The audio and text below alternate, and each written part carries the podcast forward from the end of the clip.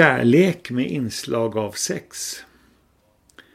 Jag sa i förra avsnittet Sex med inslag av kärlek att jag personligen är mer hemma med rubriken för det här avsnittet, alltså Kärlek med inslag av sex.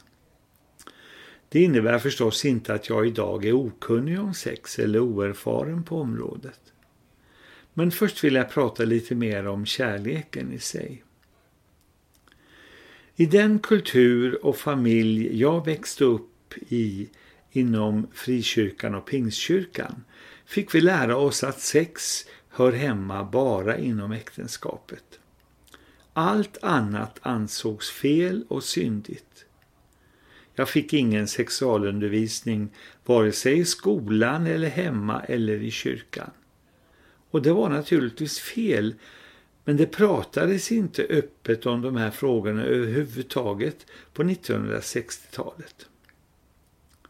I tonåren hade jag ett par eller snarare några flickvänner utan att det kom till så värst mycket sexuella erfarenheter. Och så träffade jag min riktiga kärlek och livskamrat som 18-åring och gifte mig med henne när jag nyss fyllt 21. Det var myndighetsåldern på den tiden. Vi hade inte sex förrän på bröllopsnatten, som vi båda hade blivit lärda, även om det åtminstone för mig var svårt att vänta. Och ärligt talat så gifte sig nog många par i våra kretsar ganska unga till viss del för att få ha sex utan rädsla och kanske skuldkänslor. Det här låter naturligtvis inte klokt för svenskar idag, i synnerhet unga människor. Men stäng inte av än, låt mig förklara lite mer. Den sexuella kärleken, erotiken, mår bäst och utvecklas bäst i en trygg relation, i en familj och i ett äktenskap där båda parterna frivilligt har gått in i relationen och lovat varann trohet till livets slut som det heter i vigselritualen. Jag tror inte det är så viktigt att kolla om man passar ihop sexuellt innan man bestämmer sig för att leva ihop. Bästa sexet är nog inte för några par på bröllopsnatten utan kanske 10, 20 eller 30 år senare. Vad är det för fel med att utforska kärleken och erotiken och varandras kroppar och lära sig tillsammans? Det är ju ingen brådska. Det sexuella bandet är starkt och förstärker de andra banden mellan två människor. Ett gemensamt liv, gemensamt hem, gemensamma barn, gemensamma intressen eller religiös tro.